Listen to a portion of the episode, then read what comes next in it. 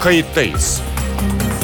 Gazeteci Mete Çubukçu konuklarıyla haftanın gündemini konuşuyor.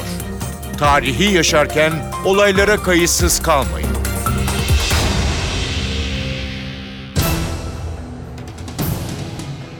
İyi günler bir kayıttayız programıyla daha karşınızdayız. Tarihe ışık tutmak ve olan biteni anlamak için önümüzdeki dakikalarda sizlerle birlikte olacağız.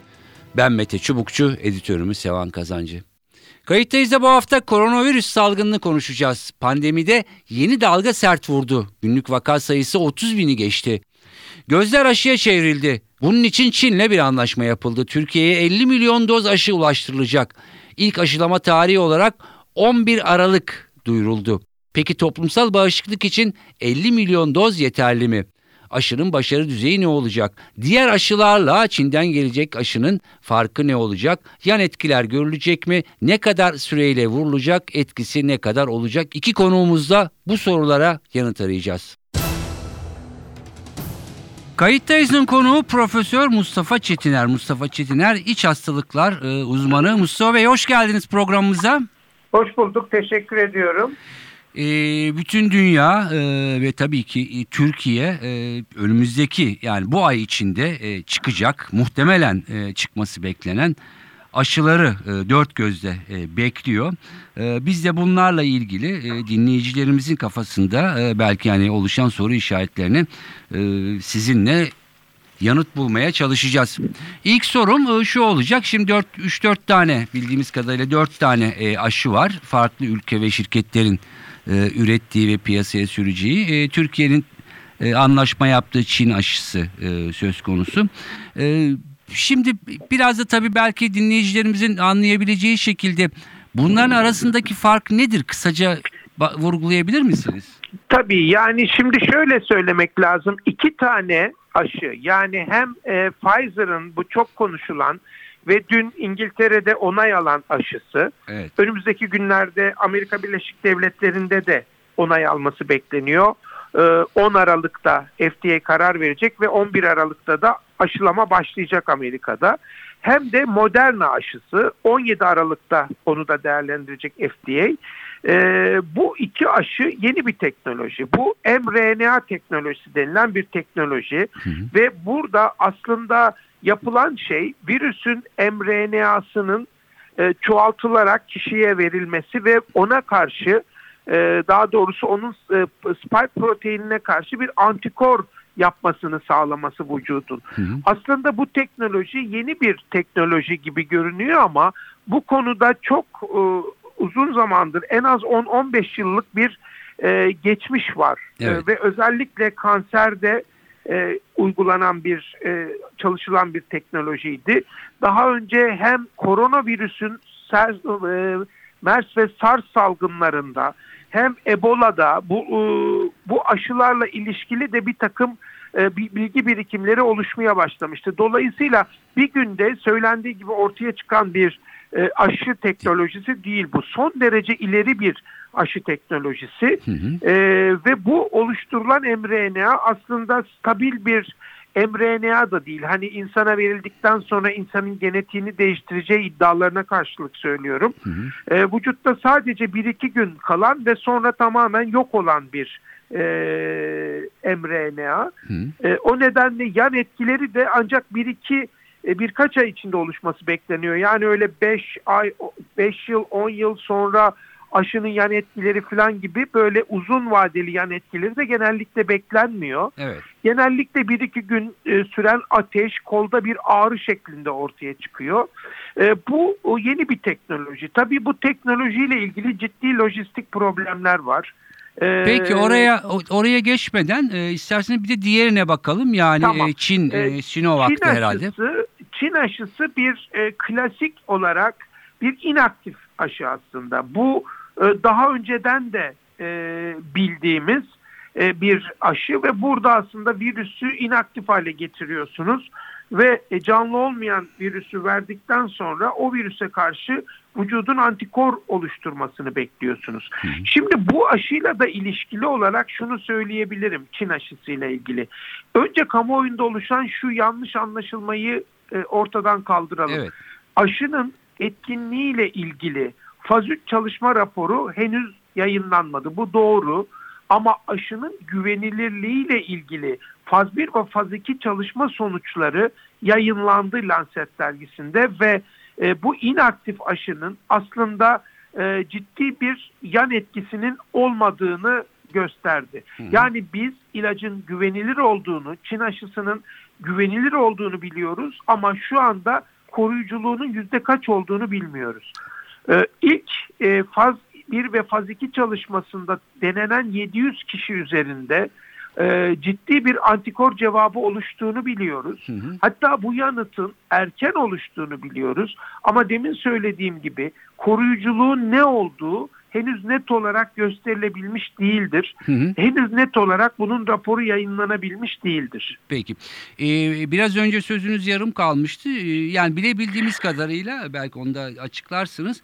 Bu Çin aşısının e, dağıtımı, korunması, e, lojistiği biraz daha e, kolay. Diğerleri kolay. biraz daha e, sorumlu gibi. E, ne evet. dersiniz? Biraz da oradan kısaca açıklarsınız. Şimdi e, ben size aslında şunu söyleyeyim. Gerçekten gerçekçi olmak gerekirse e, Türkiye'de örneğin bu Pfizer'ın aşısının uygulanabilmesi yaygın olarak o kadar e, kolay gözükmüyor benim gözüme doğruyu söylemek gerekirse. Bunun nedenini net bir şekilde söyleyeyim size. Evet. Aşının eksi 70 derecede saklanması gerekiyor. Ve sadece Türkiye'de değil tüm dünyada ciddi bir lojistik problem oluşturdu bu. Hı hı. Amerika Birleşik Devletleri aşının ülke içinde dağıtımı sırasında ihtiyaç duyulacak o soğuk zincir için milyonlarca dolar harcamaya hazırlanıyor. American Airlines onların hava yolu şirketi Amerika içinde kargo uçaklarını buna göre dizayn etmeye çalışıyor. Aşının muhafaza edileceği eksi 70 derece ortamın sağlanamadığı eyaletlerde de büyük bir çaba var şu anda bunları sağlayabilmek için. Bu aşıları e, soğuk dondurucularda muhafaza edebilecek yatırım neredeyse her bir hastane başına 20 bin dolara yakın bir para tutuyor. Yani bu nedenle bu aşının kullanımı ve lojistiği problem.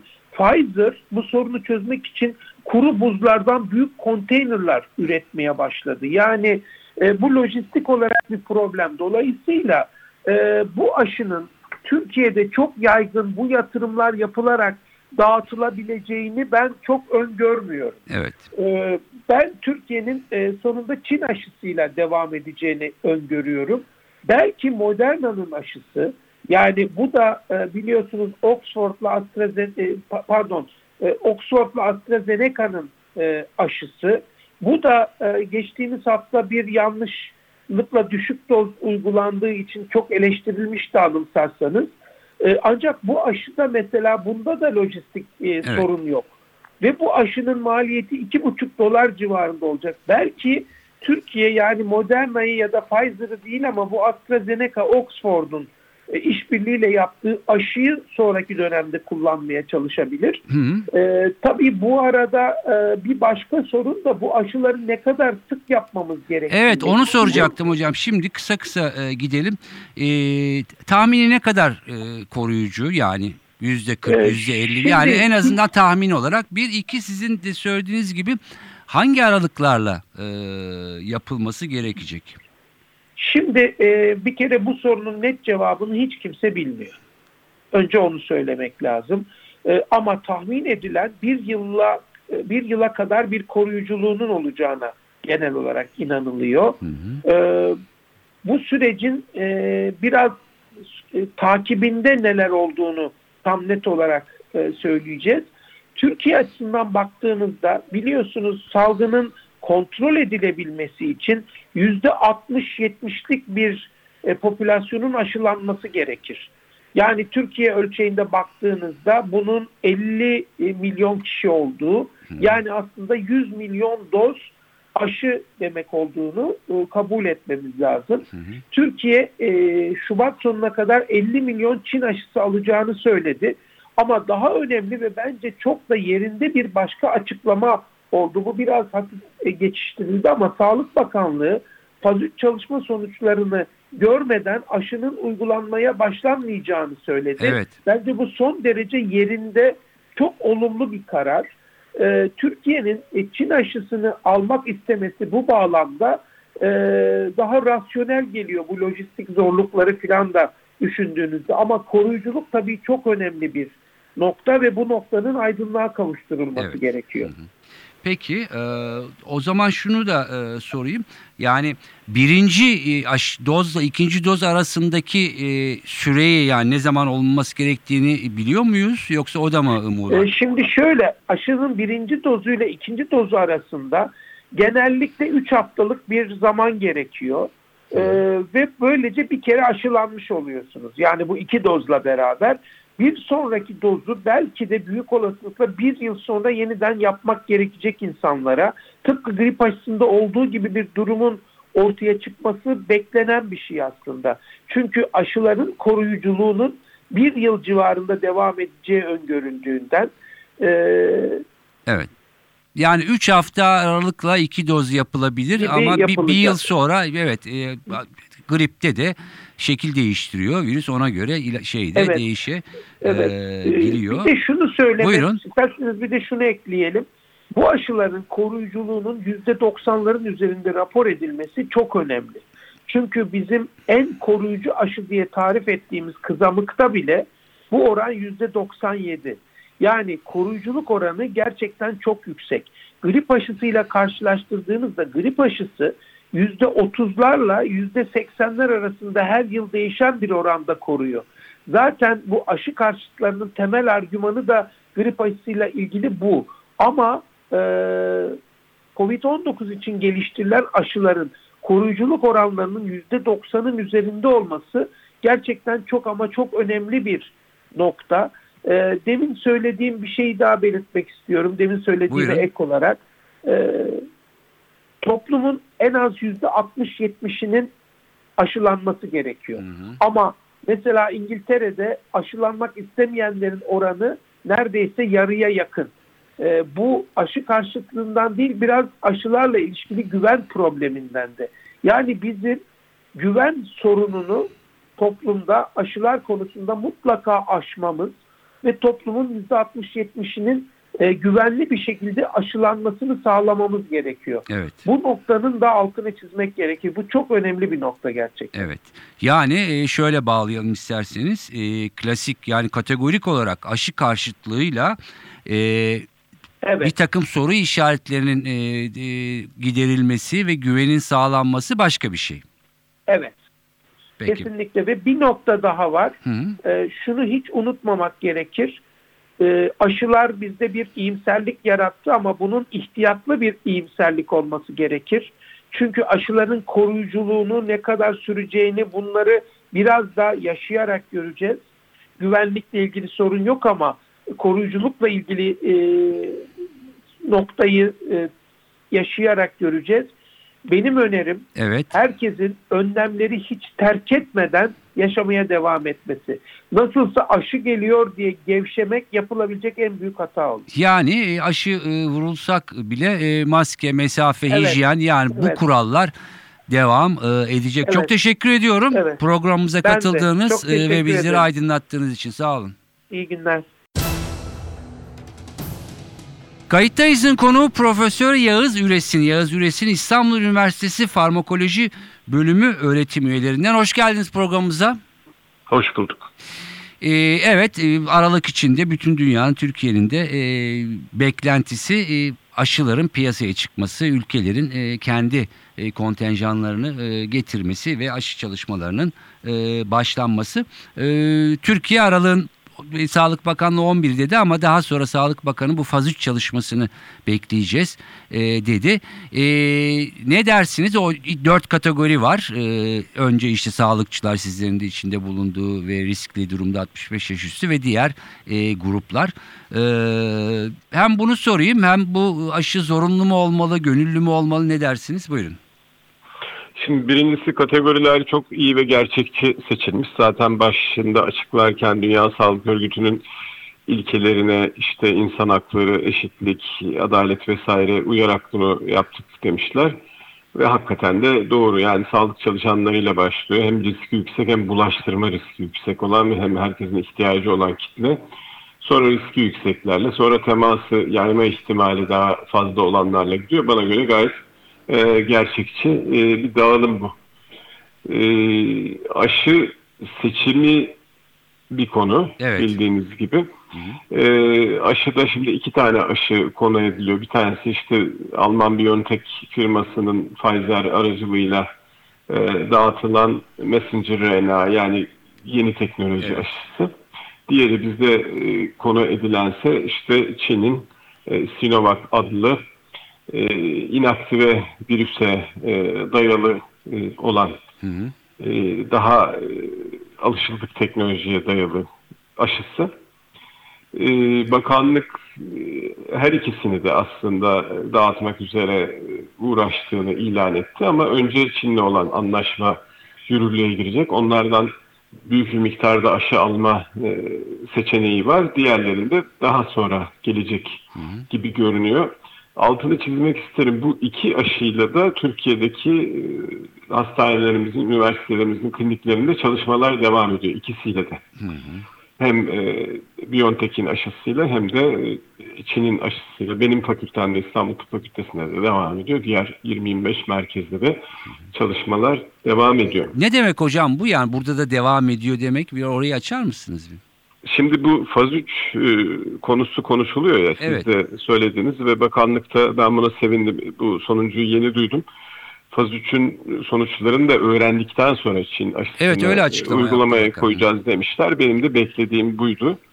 E, bu benim için de rahatlatıcı. Şimdi e, bildiğiniz gibi ilaç ara- araştırma aşamaları var. Preklinikten sonra faz Evet. 1-2 insanda e, güvenlik, daha riskli gruplarda güvenlik. 3 ise e, hedef kitlede etkililiğin araştırıldığı çalışmalar. Burada tabii sağlıklı insanlara yapıldığı için aşı bu bir ilaç değil. Hastaya verip hastalığa etkisine bakmıyorsunuz. Sağlıklı insanlara veriyorsunuz ve onlarda hem bağışıklığı ne kadar arttırdığına bakıyorsunuz e, hem de bu insanların ne kadarı e, hastalandı ona bakıyorsunuz. Bu da bu işte BioNTech ve bir de Moderna var messenger RNA. Amerika'daki. Onlar açıklamalar yaptılar biliyorsunuz. %90 küsurlarda koruma sağlıyoruz diye.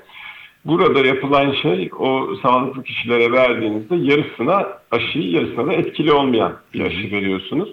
Etkili olmayanlara göre ne kadar korunduğuna bakarak çıkarım yapılıyor.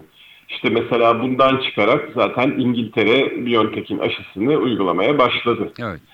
Ee, şimdi Çin aşısıyla ilgili sorulan şey de buydu. Çin aşısının da aslında var. Yani e, çünkü aslında ilk önce faz 3'ü bitiren o aşı. Yani bu BioNTech'inki, Moderna'nınki falan e, daha erken fazlardayken e, bahar, e, sonbahar başlarında aslında çok da fark edilmeden Çin'in aşısının o erken fazları bitti. Ve yayınlandı da. E, Evet. Lancet dergisinde. Oysa bu diğer ikisininki bir yerde yayınlanmadı. Yani onların CEO'larının yetkililerinin beyanatına dayalı. Tabii bunların gerçek olduğunu kabul ediyoruz. Çünkü otoritelere bunları sunuyorlar ki otoriteler de onay veriyor. Evet.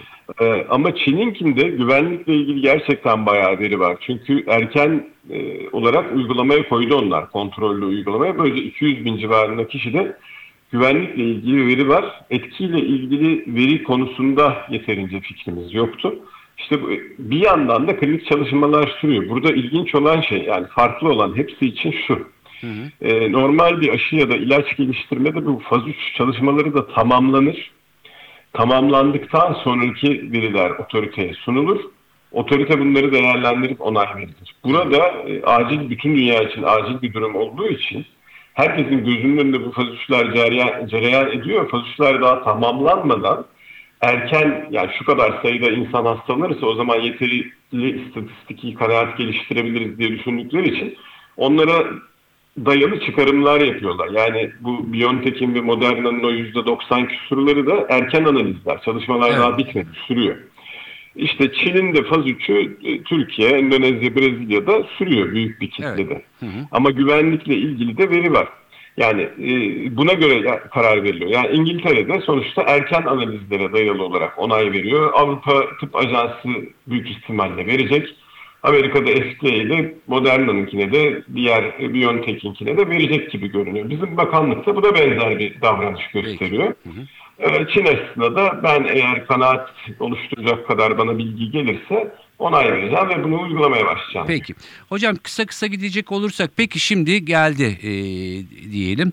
E, işte kategoriler e, belli.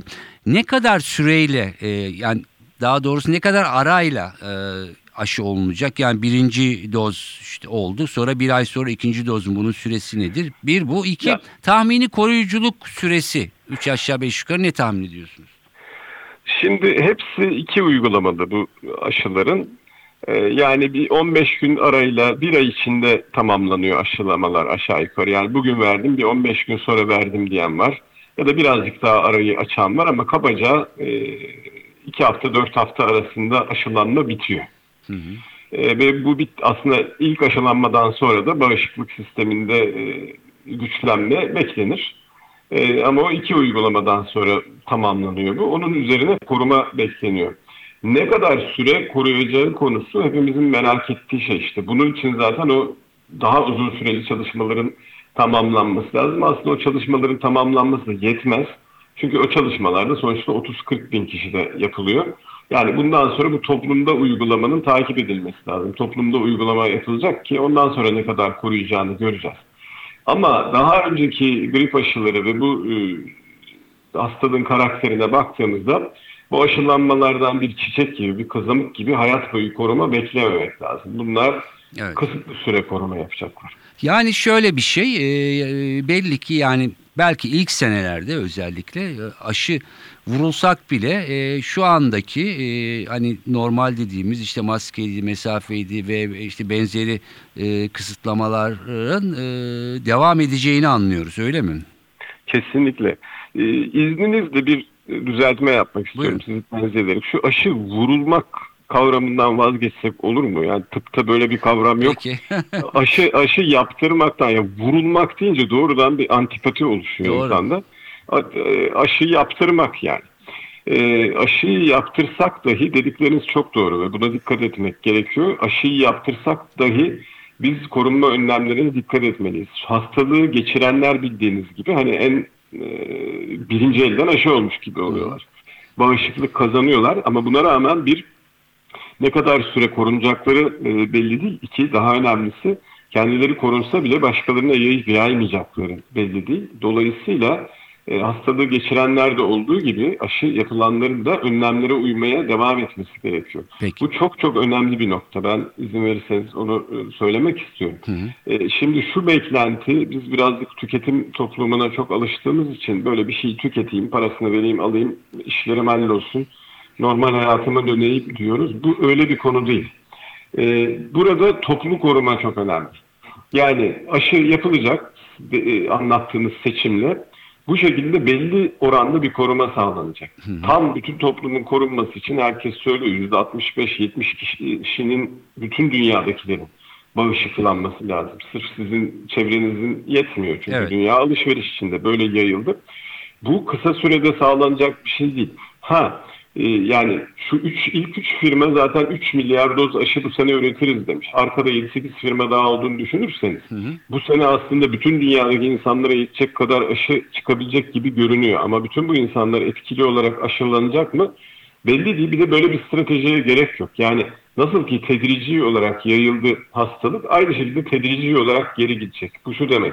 Biz önlemlere uymaya devam edeceğiz Evet. Bunlara aşı eklenecek. Aşı eklenince daha yüksek risklerden başlayarak o yükselme, pik falan gibi evrilmenin tam tersine geri doğru evrilmeyi göreceğiz.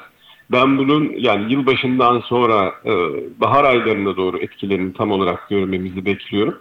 E, orada gerileyecek ve bu sırada bizim şu anda konuşmadığımız, bilmediğimiz yeni yeni aşılar çıkacak, başka imkanlar çıkacak. Onlar da eklenince eğer hakikaten etkili ve uyumlu bir aşılanma yapılırsa ben yazın bayağı rahatlanacağını yıl sonunu ki e, yani Uğur Şahin vesaire aynı şey diyor. Yani yıl sonunda artık e, bu Evet. işin bayağı sonlanacağını bekliyorum. Ama söylediğim gibi ya aşıda ben nasıl korunacağım? Ben Alman aşısını mı alsam? Çin'inkini istemiyorum. Çin malı o filan falan gibi eski ve geçersiz alışkanlıkları bırakıp toplumda bağışıklığın nasıl sağlanacağına herkesin odaklanması ve bunun için üstüne düşeni yapması gerekiyor. Peki hocam iki sorun var kısa yanıtlarsanız e, sevinirim. E, birincisi dediniz yani bu e, zaman içinde e, farklı yani farklı marka ya da ilaçlar e, özür dilerim aşılar Aş, çıkacak aşılar, dediniz. İlaçlar da gelecek Evet. Allah söylesin. Şunu Evet. e, merak ediyorum ya şimdi bir Çin aşısı vuruldu e, ikinci dozdu o belki bir süre sonra başka bir aşı devreye girebilecek mi yani bir o bir o, o olabilecek Evet evet mi? evet evet tabii ki bu ilaç değil ki yani ilaç da olsa olabilir. Yani belli oranda bağışıklık sağlıyor. Ondan sonra sizin bağışıklık hücreleriniz, o sizin bağışıklık hücreleriniz Çin malı olmayacak. Kendi malınız olacak. Evet. E, Dolayısıyla ondan s- e, tam da demek istediğim bu. Çin aşısı olsun, Avrupa aşısı olsun ne kadar koruyacağını bilmiyoruz. Yani bir takım işaretler var. Evet. E, Diğer e, şeyinkiyle yanılmıyorsam bir de Oxford'un aşısı var ya. Evet. Onlar bir yıl falan koruma sağlayabileceğiz galiba diyorlar. Neyse ya bir, bir belli bir ya bu çok önemli ama mesela 6 ay koruma sağlansa ve etkili aşılı yani 6 ay %65'ini korusanız aslında toplum bu bir daha virüs geri dönemez ki zaten. Peki. Anlatabildim Ee, mi? O zaman e, hocam kısaca şimdi 50 Tamam, milyon kısaca. doz deniyor. 25 milyon kişi e, demek e, bu. Evet. Ee, bunun organizasyonu nasıl olacak? Hızlıca kısaca onu da şey yapabilir misiniz? Yani bir ay iki ay içinde 25 milyon kişiyi e, şey yapmak nasıl? Kolay olacak mı? Aşılamak? Yani sağlık personelini aşılamak kolay tabii yani onlarla başlanacağını düşünürsen. Evet. E, Ondan sonra riski yüksek olup evde olanlar vesaire onlar da e, kayıtlı. Onlar da çok zor değil. Zaten bakın burada tercihler biraz da buna bağlı. Hani Evet. niye e, Alman aşısı değil, niye Çin aşısı deyince bana sorarsanız mesela diğeri hani saklamak, dağıtmak vesaire zor ya. Bayağı soğukta saklanması gerekiyor hı falan. Evet. Buna karşılık Çin aşısı bildiğiniz buzdolabında saklanabiliyor. Bu da bir lojistik kolaylık, Kolaylık getiriyor. evet. Ya yani bu adım adım olacak. Ben, mesela hiç kafamı şeye yormuyorum yani 25 milyon kişi ya da 50 milyon kişi nasıl aşılanacak diye yormuyorum. Yani hı. riski yüksek olanlara yapılsın. Şu andaki bu büyümekte olan salgın yavaşlasın, geri dönsün Evet. diyorum. Bakın bir etikçiler bir benzetme yaptı çok güzel. Diyorlar ki düşmekte olan bir uçakta size sınırlı sayıda paraşüt sunuyorlar. Kalkıp da paraşüt Çin malı mı? Yok ipi bacağıma dolanır mı? Ondan sonra uzun süreli etkileri ne olur? Filan falan der misiniz diye bir üretilmiş soru var. Birazcık da böyle Evet. düşünmek lazım. Peki son sorum olsun belki sizin mesajınız. Şimdi bir aşı karşıtları var. O başka bir kategori e, bana göre. E, bir de Evet. aşıya olan e, yani biraz güvensizlik var. Bunlar iki ayrı şey diye düşünüyorum. Bu konuda Çok mesajlarınızı alayım ve bitirelim. Tamam bu, bu çok doğru bir tasnif. Ben de aynen böyle düşünüyorum. E, total aşı karşıtlığı düz dünyacılık gibi bir şeydir. Yani dünya düzdür biz buna inanıyoruz ne derseniz de- deyin diye bir e, insanlar var ya. Evet. Toplam aşı karşıtlığı şu anda var olması aşı, çocukluğunda yapılmış aşılara dayalı olan insanlar bunlar ya da başkalarına yapılan ve böyle havadan ben aşıya karşıyım diyor. Bu, bu düz dünyacılık kategorisinde bir şey ama bireysel olarak aşılarla ilgili kaygılara sahip olmak herkesin hakkıdır. Böyle de olması gerekir. Benim de var bir takım kaygılarım. Yani şeyi söyleyeyim ben kesinlikle ölüme hangisi gelirse onu yaptırırım ilk fırsatta. Bunu net olarak söylüyorum. Hı hı.